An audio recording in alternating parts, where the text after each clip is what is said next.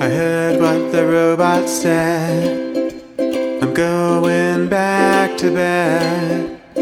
Cause I know if I don't get enough sleep, I'll just be 2019 går mot sitt slut, men innan dess har vi en väldigt viktig litterär händelse att prata om.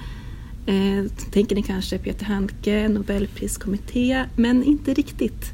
Någonting lite viktigare har hänt. Eh, 2019 är ju också året då kult och sci-fi-rullen Blade Runner utspelar sig. Eh, idag gör vi en djupdykning i den underbara sci-fi-världen. Och hur står sig den här fiktiva framtiden i förhållande till verkligheten? Har dåtida författare och filmskapares förväntningar infriats eller var det helt enkelt bättre förr? Vi som spanar på framtidsskildringar idag heter Mika Wiborg. Anders Westlund. och Gabriella Blom. Men om vi pratar, vi börjar lite i änden Blade Runner. Vad säger du Mikael, vad är din relation till den? Ja, jag har ju en lång relation till den. Jag såg väl den första gången på 90-talet när den gick på TV någon gång, kanske 95. Eh, skulle jag tro. Då hade jag väl mest hört dåligt om den för det var ju en sån film som sågades av alla kritiker när den kom. Eller många kritiker. Den var ju liksom Ja, den ansågs ju uppblåst och obegriplig och väldigt cynisk och kall och så vidare. Eh, så den ansågs väl vara liksom en film som spårade ur redan under inspelningen. Att den var liksom svårgreppad och obegriplig och misslyckad helt enkelt. Men sen har man, sen, den har ju omvärderats mycket och den är ju väldigt upphöjd idag. Så den är ju liksom, det är ju en film som i princip mer eller mindre alla gillar kan man säga. Eh, den har ju fått liksom, den är en av grundstommarna nu i populärkulturen. Vilket märktes nu extra tydligt när han, skådespelaren i den Rutger Hauer, dog nyligen så var ju det liksom en ganska viral grej och allting refererade till Blade Runner. Men den Just som... det, Rutger Hauer, det är The Dutch Paul Newman, eller hur? Ja, precis. Som spelar replikanten i filmen. Men du Anders, så är ju den av oss som har sett filmen mest nyligen. Ja, jag tittade på den igår, alltså för en dag sedan bara. Och eh, det var första gången jag höll mig vaken. För du har försökt se den förr då? Ja, Ja. och har somnat. Men eh, ja, det är ju en klassiker som så. Men jag, jag, är, inte, jag är inte imponerad. Nej. Det är liksom, jo, det är ju det är, ju, det är år 2019. Man röker. Det är märkliga ögonskanners. Man äter nudlar. Och har omotiverat flygande bilar. Det är lite min... Men är det liksom framtidsspaningarna mm, som du inte gillar eller är det själva filmen? Nej, jag, det, det är ju den version jag tittade på nu. Det är ju... Det är väl bioversionen. Ja, precis. Det finns ju en massa versioner på den. Jag tror jag har sett fem stycken hittills. Eller det är väl så många som det finns. Men det där är ju den som jag också såg först. Det, och så man känner igen den är ju att den har ju den här berättarrösten av Harrison Ford som spelar huvudrollen. Eftersom de tycktes, det tycktes att den behövdes när de gjorde sådana testvisningar på bion. Att ja, här behövs det nog en berättarröst för annars är den nog för lös i kanterna. Mm. Ja, och det är just den här uh, voice-overn då som jag, jag känner att, att liksom, den är så tydligt gjord under protest, tycker jag. Låter som. Man bryter den här fjärde väggen till en grad att liksom, ingen, illusion, ingen illusion kvarstår nästan. Man blir lite dumförklarad kanske som publik också. Ja, fast jag, jag ser ju att det, hade det inte varit en voiceover på den här versionen så hade jag kanske hade jag nog tyckt att det här behöver nog förklaras lite mera. Men det förklarades lite för, för mycket.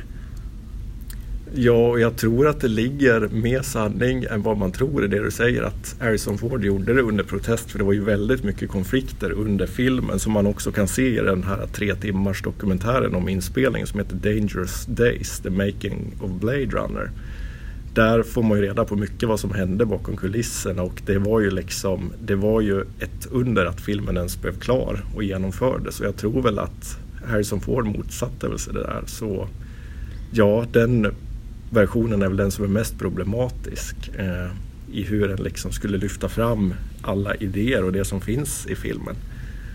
Som gjorde att den kanske blir lite mer, vad ska man säga, simplifierad eller att den det science fiction-temat kanske tonas ner lite för den blir liksom mer, vad ska man säga, att det blir mer fokus på karaktären kanske än världen och de olika temana. Men filmen den är ju lite löst baserad på eh, Philip K. Dicks Do Androids Dream of eh, Electrical Sheep, eller hur? Ja. hur? Har du läst den? Nej, jag har väl inte det. Jag har ju sett att vi har ju böckerna här på biblioteket så de finns ju att låna. Men jag har inte läst boken än, vilket är lite märkligt. Man har fastnat för filmen. Jag, läste att eh, författaren då han, eh, han hann se 20 minuter Ja, av filmen. innan han dog va? Ja, Ja, för filmen det, alltså det var, den var inte klar mer än så. Mm. Det var inte Ja. så att Han kollade- dog inte mitt i Nej, han han var så missnöjd att han liksom såg 20 minuter och sen... Ja, jag Mm. förstår. Ja, Men- men han, var, han, var så här, han var väldigt nöjd. Han tyckte att, eh, att Rutger Hauer var liksom... Ja men det är ju perfekt. Han är ju en perfekt skurk. Fast Mm. han är ju inte riktigt skurk heller. Men det var liksom... När han skrev boken i princip var det, Tänkte det var. Rutger Hauer han såg. Eller, mm. det var ju som perfektion.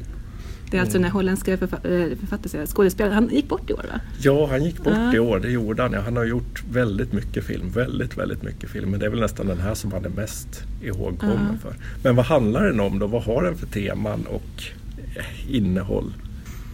Ja, året är ju 2019 och människan har ju skapat robotar eller AI som används eh, som slavar för att eh, utvinna naturresurser på andra Ja, planeter. som kallas för replikanter i filmen. Alltså de ser ju ut precis som människor och beter sig precis som människor eh, till synes. Men det finns ju ett test i filmen som heter Voigt, Voigtkampf-testet där de skannar av ögonen eller de kollar efter reaktioner i den pupillen på replikanterna för att se hur de reagerar när de ställs inför olika påståenden eller berättelser för att se om de har de här mänskliga känslorna som, och se hur de reagerar gentemot en människa. Och det är också så man kan avgöra om en, eh, en humanoid är replikant eller människa.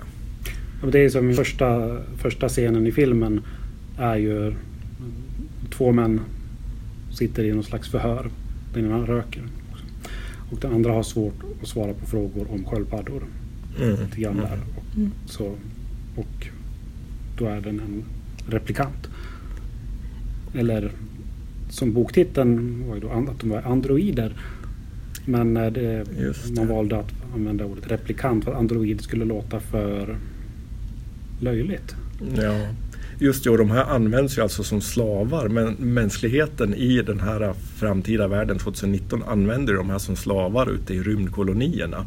Och i berättelsen i filmen och boken så har ju de- några av de här rymt och tagit sig till jorden. Så det är därför polisen i det framtida Los Angeles ska hitta de här och förgöra dem för att de anses som, ja de är ju farliga helt enkelt. Och laglösa. Så huvudpersonen Rick Deckard heter han väl som spelas av Harrison Ford jobbar ju då med att, vad heter det, retire, pensionera replikanter som är på rymmen. Och det är också det som är ingången i berättelsen att man får följa ja, Blade Runnern som yrket heter och som jagar de här replikanterna. Och kanske att, och att pensionera en replikant betyder i princip avrätta dem.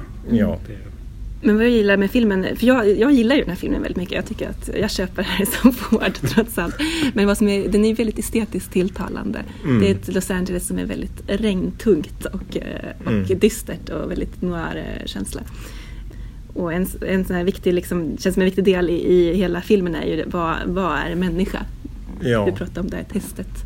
Om Mhm. hur man ska avgöra eh, huruvida en replikant är människa eller inte.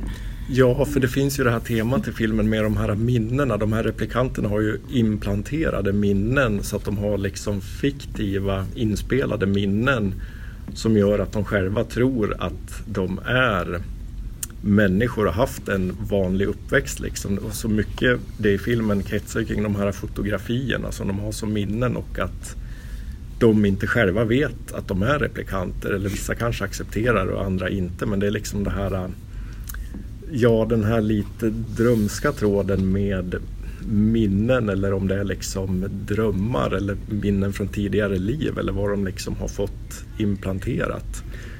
men, men det är alltså anledningen till att de här replikanterna kommer till jorden i den här filmen det är ju för att de är ju medvetna. Mm. Och de är också medvetna om att de har en begränsad, begränsat livsspann. Ja. Att, de får, att de lever i fyra år bara och sen är det liksom slut. Mm. Och de är ju De är ju där för att få leva längre. Ja, Och precis. söker ju liksom upp, eh, vad ska man säga, sin tillverkare. Mm, just det. Så visst, den har ju mycket av de här temana. Människans livslängd, går det att förlänga människans livslängd? Och är liksom, ja, så de, det är ju en i filmen som sitter som i toppen av en stor pyramid som är skaparen av alla de här replikanterna som är en sorts gud i den här framtida eh, samhället som enbart styrs av de här stora företagen. Så den är ju liksom, ja, det är ju noir dystopi liksom. Och en ganska schysst framtidsspaning tänker jag med multinationella företag som styr världen. Vi har ju Ja, för det, Facebook, Google. ja, det är ju väldigt mycket tydligt i filmen med alla de här stora logotyperna som man ser Ja. eh, som återkommande. Eh, så jag gillar ju den här filmen väldigt mycket också. Ha, när, när man liksom ser de olika versionerna. Det handlar väl just om att när man blir äldre och så så kan man upptäcka nya saker i den och att man återkommer till den och att den liksom speglar olika saker i och med att det känns som att det finns så mycket att upptäcka i den. Som till exempel kopplingen till boken. Det är ju en scen i en av versionerna som också nu väl heter Final Cut så är ju den med så är ju den här drömmen som huvudpersonen Rick Deckard har. Heter han Rick i förnamn? Ja, jag är inte säker. Eh, som där han drömmer om en enhörning som kommer springande och det är ju liksom, ja, som bokens titel Do Android Dream of Electric Sheep. Är det ett implanterat minne för enhörningar finns ju så vitt man vet inte så då växer ju den här frågan om eh, vad som är liksom ja, vart gränsen mellan det mänskliga och Mm. det artificiella går. Apropå djur så det antyds i filmen i alla fall att eh, djur i princip inte finns längre. De är i princip utrotade. Ja, just det. Ja, just det. Det är en tråd som återkommer sen i uppföljaren. Eh, hjälp mig, 2049 heter den så. Ja. Ja, Det, det är ju ett meningsutbyte när eh, han Deckard då är, eh, konfronterar en av de här replikanterna på eh, vad man nog skulle kunna kalla en strippklubb kanske.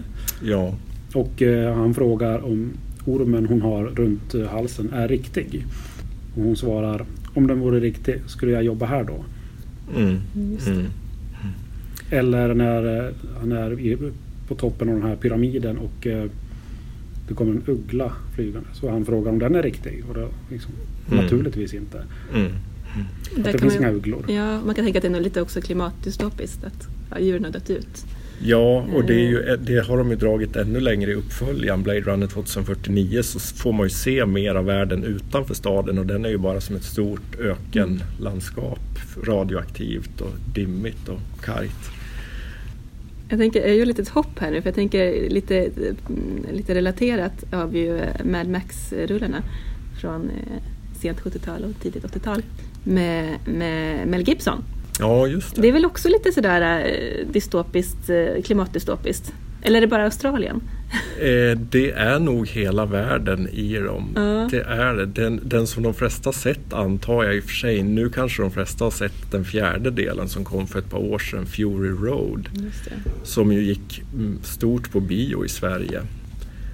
Innan så var det väl de flesta hade väl sett den här uh, The Road Warrior har ju gått på tv så många gånger så det är nog den kanske som de flesta fortfarande förknippar med Mad Max, den andra filmen i serien. Då är det Tina Turner som är också va? Eh, det är tredje Det är trean, delen. oj, Eh, Som Thunderdome. Beyond Thunderdome. Ja, precis. Så de är väl, vad ska man säga, renodlad postapokalyps har de väl fått stämpeln som senare. Men då när de kom så bra sågs de nog mer som, vad ska man säga, science fiction.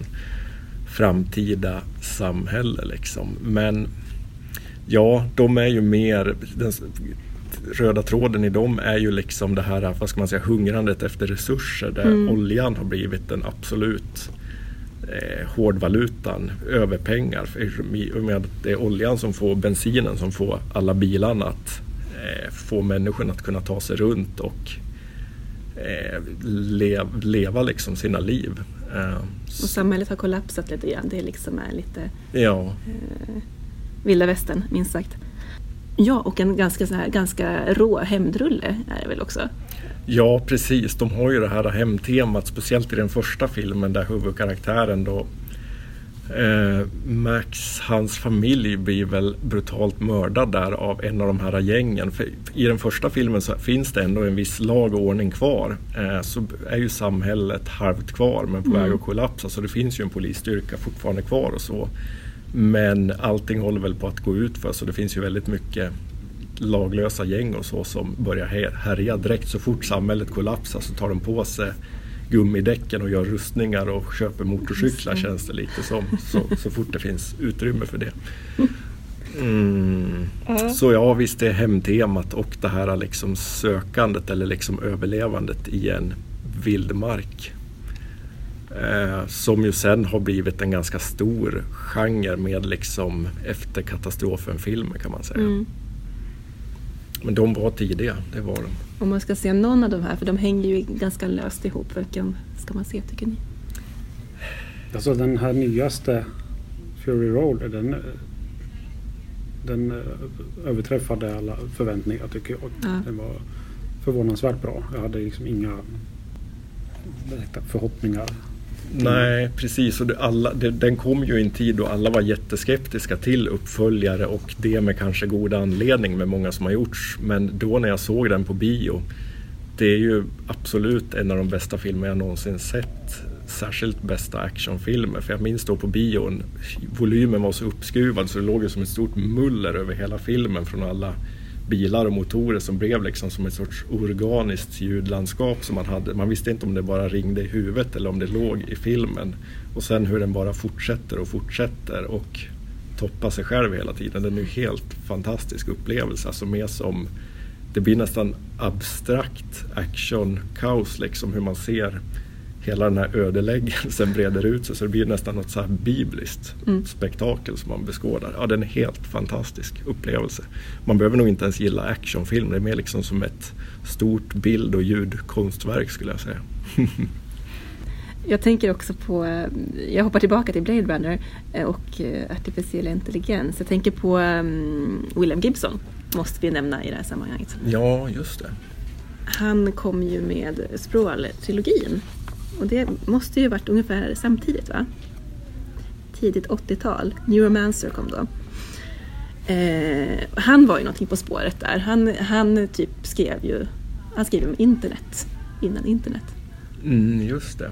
Och det är väl den genren idag som kallas för cyberpunk är väl det som det heter idag. ja, precis. Eller, ja, för den, precis den förutspådde ju internet kan man säga i princip. För huvudpersonen i, det är väl olika berättelser men han är väl en hacker. Han är en hacker, ja precis. Mm, som tar sig in i olika nätverk och kan liksom, vad ska man säga, ha som ett andeliv eller ett annat liv i hur han kan transportera sig runt i den digitala världen. Ja, och man är väl också typ så neurologiskt uppkopplad mot internet. Just det.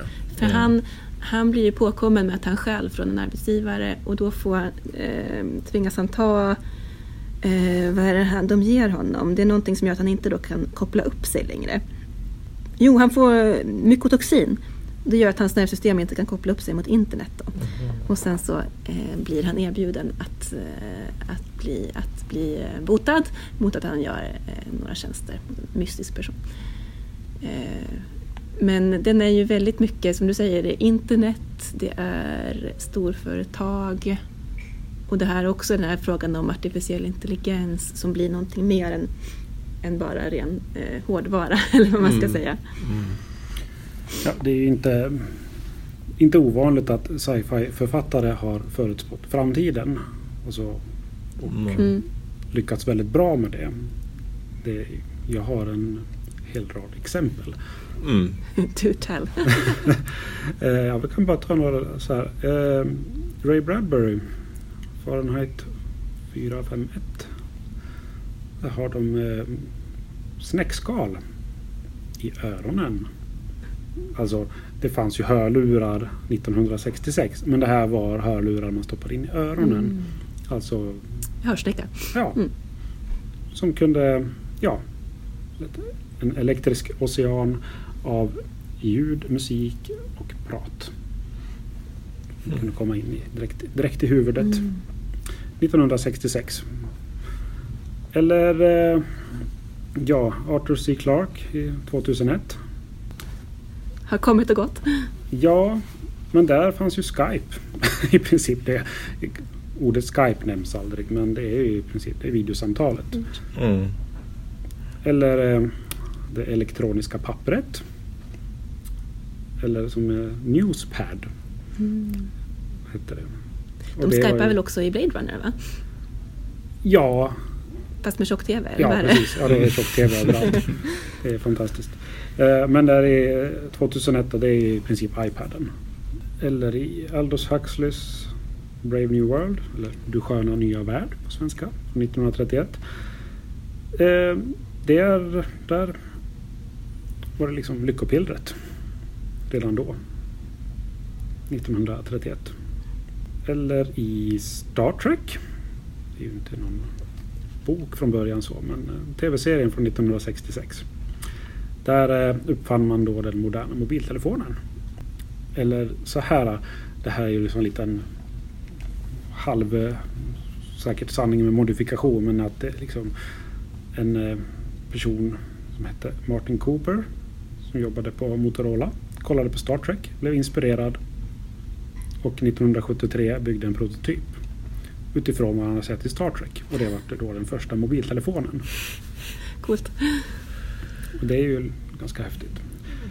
Sen eh, Gullivers resor från eh, 1726 så skrevs det om eh, Mars.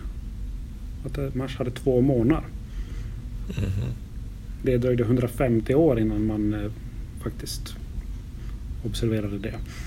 Att det faktiskt fanns Det, två det var ju en väldigt snygg, vad ska man säga, eh, sp- spekula- spekulativ grej. Ja, Mm. väldigt så här Ja. detaljerad ändå. Men som liksom alla tekniska innovationer innan de blir den färdiga produkten så är det såklart att det föregås av en massa experimenterande. Det måste ju finnas hur många experimentella modeller som helst av alla uppfinningar innan de kommer till slutstadiet. Så det går väl säkert att säga om man tittar, om man verkligen letar efter det så kan man ju hitta att science fiction-litteraturen eller filmer och så har så att säga förutspått mycket eller liksom, ja, tittat på den befintliga världen och eh, använt det liksom som grund för den ja, fria tanken liksom om vad som, vad som saknas eller vad som Mm. kommer att utvecklas och så. Det är ju ganska fascinerande också i William Gibsons böcker så som läsare så kastas man ju bara in i den här världen utan att vad jag minns det förklaras ju inte så mycket. Den bara är liksom. Och så är det väl också i Blade Runner-filmen. Den, eh, de versioner som inte förklarar så mycket via berättarrösten så är det ju liksom eh, det, mycket av det som händer eller så som världen är är ju Ja, den bara är och man får liksom som betraktare får man ju orientera sig ganska mycket själv. Så det blir ju liksom en extra wow-effekt där när Ja, när det är liksom det är så många idéer som har stoppats in så man blir liksom Ja, det är ju en del av det som är fascinerande också. Och plus i, i William Gibson-böckerna så är det ju väldigt så här coolt lingo. Han har ju, så här, han, har ju snappat upp massa saker från så här, drogvärlden och, och i barer och så. Han pratar om flatlining. Det är liksom när man inte har någon hjärnaktivitet och sådär. Och så Mm. stoppar han in det lite grann här och där. Just funkar det väldigt snyggt och känns futuristiskt. Ja. Jag har en sista att ta från min lilla lista här också. Med Mm. eh, grejer som fanns i sci-fi innan det fanns på riktigt. Mm. I Robert Heinleins Främling på egen planet från 1961. Där beskrivs en vattensäng. De fanns inte förrän 1971 Ja. på riktigt. Mm. Om man ska tro på internet. Ja. Så hur kan man tänka sig det? Det känns ju helt onaturligt att stoppa vatten i en säng. Så, Mm. Ja, men Robert Heinlein var före sin tid och mm. i princip uppfann vattensängen. Tänkte utanför boxen. Ja. Och det är väl det som är bra sci-fi. Ja. Utanför boxen. Eh, har, ni, har ni några exempel på så här dåliga framtidsspaningar? Blade Runner. Nej. Ja, de flygande bilarna känns, känns ju... Ja, det är ganska mycket omotiverade flygande bilar överallt. Ja. Det är eh, ja, dels Blade Runner och eh, dels i Tillbaka till framtiden. jag tror det mera är liksom man bara vill att bilarna ska vara flygande. Men Ja. man motiverar det inte riktigt. Då, så mycket. Mm. Varför ska de flyga bilarna? Men man tänker väl lite på det här typ alla dåliga exempel så Ja men som i alla de här typ 90-talsfilmerna som skulle porträttera hackers eller någonting eller att alla de här filmerna så skulle det in så mycket digital teknik. Och då satt, ser man ju alla skådespelarna sitter vid olika tangentbord och man ser att de bara sitter och trycker slumpmässigt på knapparna och ska framstå som jätteavancerat det de gör och sen när man ser på själva bildskärmen så framstår ju det som otroligt primitivt när man ser det idag med tanke på dagens bildskärmsteknik. Så om man ser på de här skärmarna så är det bara någon stor ruta där det står play eller open och det ser liksom ut som, ja det ser nästan primitivare ut än eh, vad det var tänkt redan då. Eh, men just den trenden med att ja, alla som är duktiga på datorer så att säga och datateknik framstår ju som ganska så lökigt idag med dagens ögon. Jo, jag tänker också på den ryska eh, filmskaparen Tarkovsky Mm. som ju eh, bland annat gjorde Stalker. Just det, filmen där ja. Och ja, så gjorde han också den här Solaris. Bägge de bygger ju på böcker skrivna av ryska science fiction-författare. Det är väl Stanislav Lem och de här bröderna Strugatsky. Eh, som ju skrev, i svenska heter ju den boken Picknick vid vägkanten, den som blev till Stalker. Ja, som kom väl där på 70-talet. Det är också en dystopisk eh, klimathistoria, eller hur? Ja. Eh, som utspelar sig, den berättelsen utspelar sig i en sorts förbjuden zon som heter just zonen. Eh, dit människorna beger sig för att de vill få diverse önskningar uppfyllda. Fast det är lite diffust också exakt vad som händer i zonen. Eh, men i filmen och boken så handlar det i alla fall om ett gäng personer som vill ta sig in till det innersta rummet i zonen. För att möta någon sorts, ja det är ju något sorts, någonting som har hänt i zonen som gör att man inte är riktigt säker på om det är liksom någonting övernaturligt eller om det är något sorts vetenskapligt fenomen som de vill Mm. försöka förstå sig på. Och vad det kan ge dem i utbyte. Så, ja, och den har ju väl en närmast lite, den går ju att tolka på flera sätt också så den kan ju allt tolkas från något religiöst till någonting, att det bara är något inre psykologiskt liksom och allt däremellan. Så den är ju väldigt, den är ju lite som en spegel beroende på vem som ser Mm. den. Eh, vad man tolkar in i den. Mm.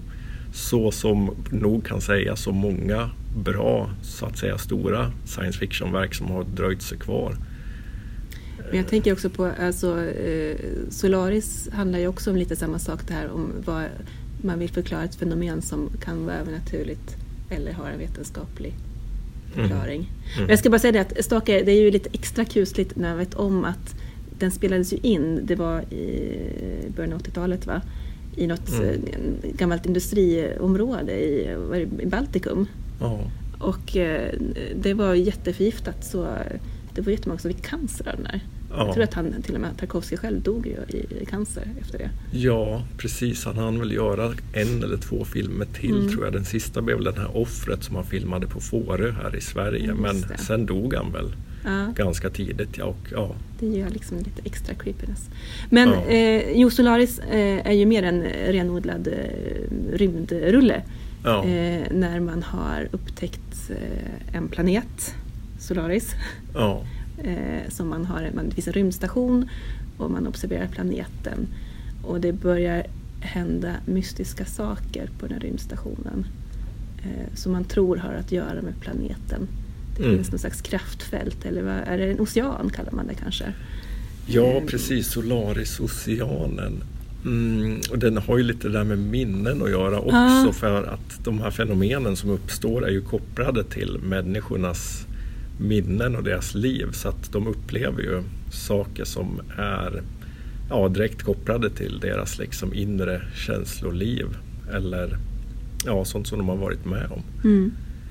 Eh, Så det blir ju som en sorts spökvärld som uppstår där de börjar ifrågasätta sina nuvarande liv och till slut så blir de ju så fästa också vid verkligheten i de här liksom illusionerna. Eh, att de, ja det blir lite som ett beroende. De vill liksom. inte lämna det liksom. Ja. Nej, precis. De blir fast i illusionen. Mm. Så de här är ju extremt, väldigt melankoliska men också lite så här ja, ångestladdade historier. Ja, Ja, jag tänkte bara säga att eh, de som lyssnar kan ju inte se hur det ser ut här där vi sitter. Men där vi sitter så har vi ett eh, i princip ett smörgåsbord av eh, filmer och eh, böcker och allt vad det är som eh, Mika här har tagit med sig. Och eh, är det någonting du kan tänka dig att plocka upp och berätta någonting om? Ja, till exempel. Jag tog med en dokumentärfilm här som är ganska ny som heter Behemoth som är en kinesisk dokumentärfilm.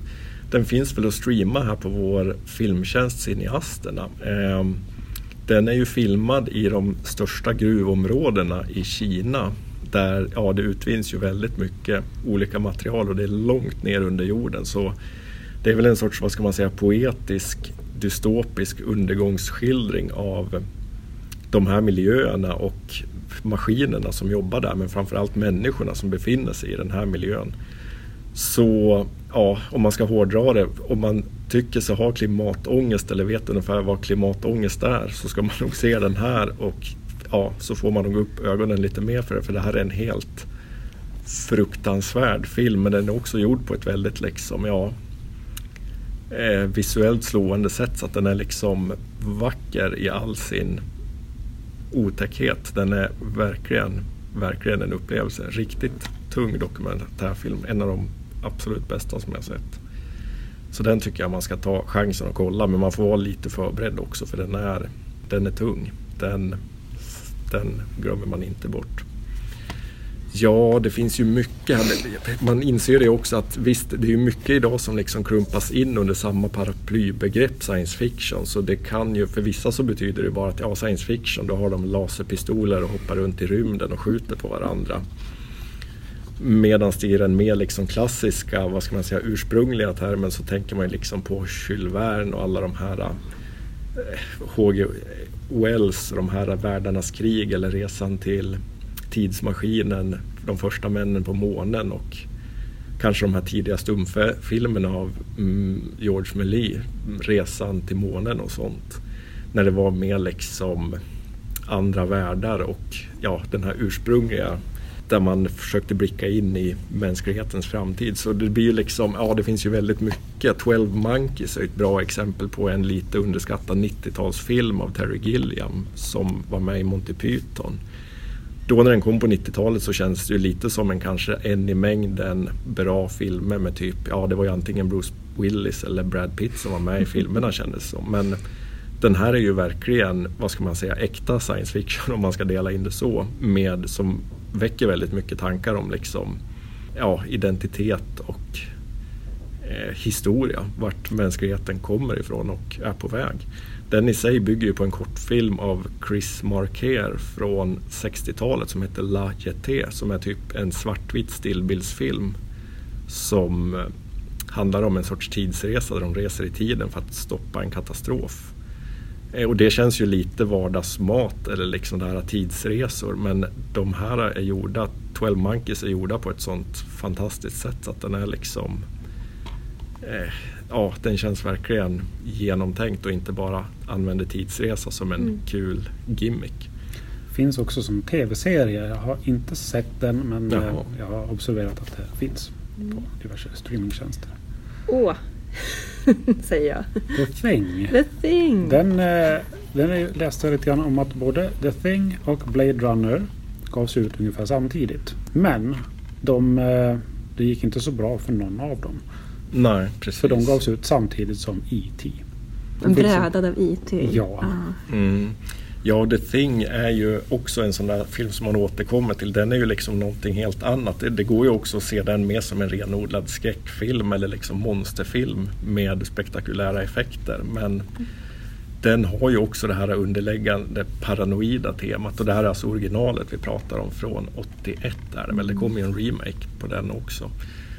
Eh, så den berör ju lite sådana teman som paranoia och ensamhet och att ställas inför någonting oförklarligt eller till och med obegripligt som mänskligheten kanske inte ens var menad att komma i kontakt med.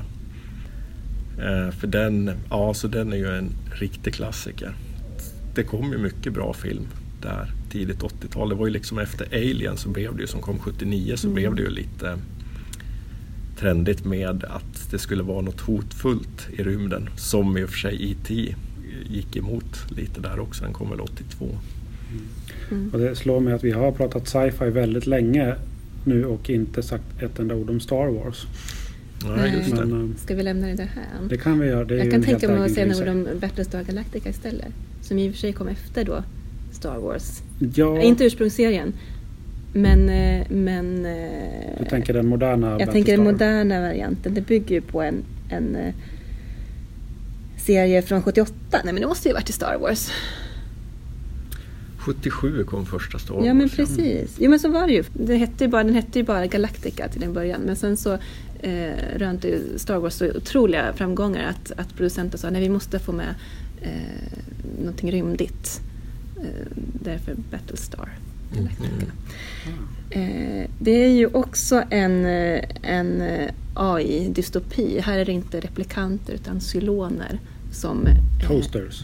Toasters, ja. som, som eh, bestämmer sig för att eh, förgöra mänskligheten. De har liksom eh, de har fått nog av människorna. Och, och människorna de finns utspridda på är det 12 kolonier va? i rymden. Mm. Och de liksom bombar sönder allt. Och det som finns kvar av mänskligheten är 50 000 människor som befinner sig på, lite, ja, på ett rymdskepp eller olika rymdskepp ute i rymden. Ja. Eh, och ska hitta ett nytt ställe att eh, bo på, då, den trettonde planeten. Mm. Är, det är lite, det är i lite så här religiösa Ja, ganska mycket. undertoner. Ganska Mm. mycket. Eh, Men eh, kuriosa är väl att det i den eh, ja, Battlestar Galactica från eh, 2000-talet, den tv-serien, där har vi då eh, Amiral Adama Ja. som också är med, där skådespelaren Edward James Olmos som är med i Blade Runner. Ja, han spelar snut där va? Ja, Mm. med käpp. Just Mm. Har inte många repliker i Blade Runner. Nej, han har inte det. Men han är med både i början och, slutet. Så. Ja, Han har också, den här alltså skådespelaren har ju också fått en egen asteroid uppdöpt efter sig. Asteroid 5608 Olmos. Det påminner ju lite om den här filmen här, Silent Running, som kom 1972. Den är regisserad av Douglas Trumbull som gjorde alla miniatyreffekter till 2001. Eh, alla de här rymdskeppen som är med i 2001. Och den här handlar ju om ett rymdskepp, flera rymdskepp som åker genom rymden som har mänsklighetens sista växter, växtlighet. Så de har liksom sådana här domer med kupoler med skogar inuti där det bor lite djur och det växer saker. Och sen en dag så får de ju orden att de ska spränga allting för det finns ingen framtid för att mänskligheten ska ha växtlighet eller djur. Så då ska allt det där sprängas men då gör ju huvudpersonen myteri och dödar sina kamrater och blir en sorts Jesusgestalt som reser genom rymden och tar hand om skogen och försöker undkomma de stora företagen. Så den är ju eh, också en sån där spännande rymdresefilm om mänsklighetens sista hopp. Men kanske någon liten ingång till science fiction för Ja, bokläsare om man ska liksom ja, alla som, igång. ja, alla som någonsin har gått på bibliotek i Sverige har väl någon gång, tror jag, kommit i kontakt med Delta-serien. Science fiction och det går ju inte att prata om science fiction i Sverige i princip utan att nämna svensk science fictions nestor Sam J Lundvall som har väl, han dyker upp precis överallt. Och det var han som startade det här Delta förlag som gav ut över 200 böcker i en serie som heter Delta Science Fiction. I, man kan känna igen dem på de gula, gula ryggen där de står i bokhyllan eller om man ser dem på loppisar. Så han gav ju ut en stor mängd av, vad ska man säga, den stora världslitteraturen inom science fiction. Alla, I princip alla namn som är nämnt här idag finns ju representerade i hans bokserie. Eh, och han har gjort så mycket mer också så att det är nästan överskådligt hur han har haft kontakter med land runt om i världen och varit som ambassadör för science fiction. Så det är ju en bokserie man kan ta sig an. Det finns ju många som gillar att samla på de här också så de har ju samlarvärde. De har ju också en siffra här på ryggen. Eh, till exempel den här som ligger här av Jack Vance som också är en av de stora namnen i science fiction. Den döende jorden är del 158 i serien. Oj. Det finns en del att, att Ja, det gör det verkligen. Och med skiftande kvaliteter. Och vissa har ju inte hållit måttet så bra kanske. Eh, men det finns väldigt många guldkorn att hämta där. Så den här bokserien förde ju fram vad ska man säga, science fiction som litterär genre i Sverige ganska stort och lade grunden liksom för eh, mycket av de författare som är husnamn idag eh, som folk känner till. Mm. Annars har du något sådär jättebra tips som man ska eh, att man ska läsa eller se under 2020 nu? Um, ja, det är ju någonting som, jo det finns ju en som jag, som är väldigt speciell som heter Den nya solens bok som jag lånade en gång i, på biblioteket en gång i tiden. The Book of the New Sun av Gene Wolfe som är fyra stycken böcker i den första sviten och de skrevs väl kanske, vad kan det vara, 70-talet. Eh, och det får jag väl säga, det håller jag som det största litterära verk som har skapats. Gene Wolfs de här fyra böckerna om den nya solen. De är så, man kan läsa mycket recensioner av de här och vad kan man säga, folk benämner det här från allt ifrån att, att läsa de här känns som att tolka eller läsa en stor religiös skrift eller bestiga Mount Everest eller vad som helst. De är helt, helt olikt allt annat som man läst eller liksom som man kopplar eller relaterar till science fiction eller fantasy. Den Mm. är så helt annorlunda och eh, svår att beskriva. Den är liksom, ja, den utspelar sig i alla fall en miljon år in i framtiden så hela dagens civilisation, civilisation finns det inte ens ett minne eller spår av. Så det är väl, ska man läsa någonting väldigt stort som också är ganska svårt eh, att ta sig till. Det kan krävas att man ska läsa den liksom fem, tio gånger för att börja närma sig det. Men ja, det är verkligen en bokserie som är storslagen på ett sätt som att det känns som att den är bortanför alla genrebenämningar eller vad man har för förutfattade mening om science fiction. Så den är allt och ingenting liksom. Fantastiskt. Allt och inget. Mm. Har du något sånt där måste läsa tips? Anders? Ja, det... Kanske inte ett måste, men jag kommer att tänka på den när jag tittade på Blade Runner. Så tänkte jag på en lite mer nyare, lite mer modern bok som heter Altered Carbon av Richard Morgan. Mm. Som är ganska kraftigt eh, inspirerad av Blade Runner skulle jag säga. Och den eh, har också blivit en eh, modern tv-serie som kom ut förra året. Finns väl på sådana här streamingtjänster och så. Mm. Det är ingenting vi har, tror jag. Möjligtvis på något Helgebibliotek här så kan man finnas någon box med tv-serien. Mm. Eh, Men det är eh, lite liknande grej, liknande samma känsla på något vis. Det Mm. där, eh, cyberpunk-aktiga. Fast här är det då att man eh, i princip man, är- man är ett chip. Man kan byta kropp. Man har chip i nacken. Och det spelar ingen roll, liksom, man kan ju bara betala extra mycket pengar så får man en extra bra kropp i princip. Så man är odödlig. Ja, om man inte förstör chippet då. Mm. Så det är liksom lika som Blade Runner, en deckare. Mm. Framtidsdeckare i princip. Jag tror att mitt tips blir nog just eh, Solaris eh, som du pratade om. Och då eh, originalversionen av Tarkovsky, kanske inte Steven Soderbergh-versionen från 2002 med George Clooney. Jag tror att vi Mm. den lämnar vi därhän. Men den här är ju faktiskt jättebra. Den är som du säger mel- melankolisk och ångestladdad och, och nästan lite eh, psykologisk terror. Eh, Mm. Boken är också superbra och jag tycker att han fångar hela den här känslan i boken och överför den jättebra till filmen. Och den finns ju på cineasterna och boken finns på bibblan. Ska vi nöja oss? Ja. Eller ska vi prata en timme till? Jag tror vi har uttömt allt vad science fiction-genren kan. kan det göra Ja, men det känns så svårt också. Det finns så mycket stort att säga. Eller liksom Mm. om Ja, men det, det är så brett. analysera samtiden. Det känns som att det är så gjort. Eller liksom, man, har, man, är, man har ju läst så mycket om nutiden. Allt det här, ja, klimatångest. Och man, alla Mm. vet så väl vart allt är på väg. Mm. Eller det har blivit den bilden i alla fall. Och Det det är så stort. Det är så stort. Det finns ju liksom med tanke på att vi inte har som nuddat vid Star Trek lite smått och vi har bara sagt ordet Star Wars en, ja, nu två gånger.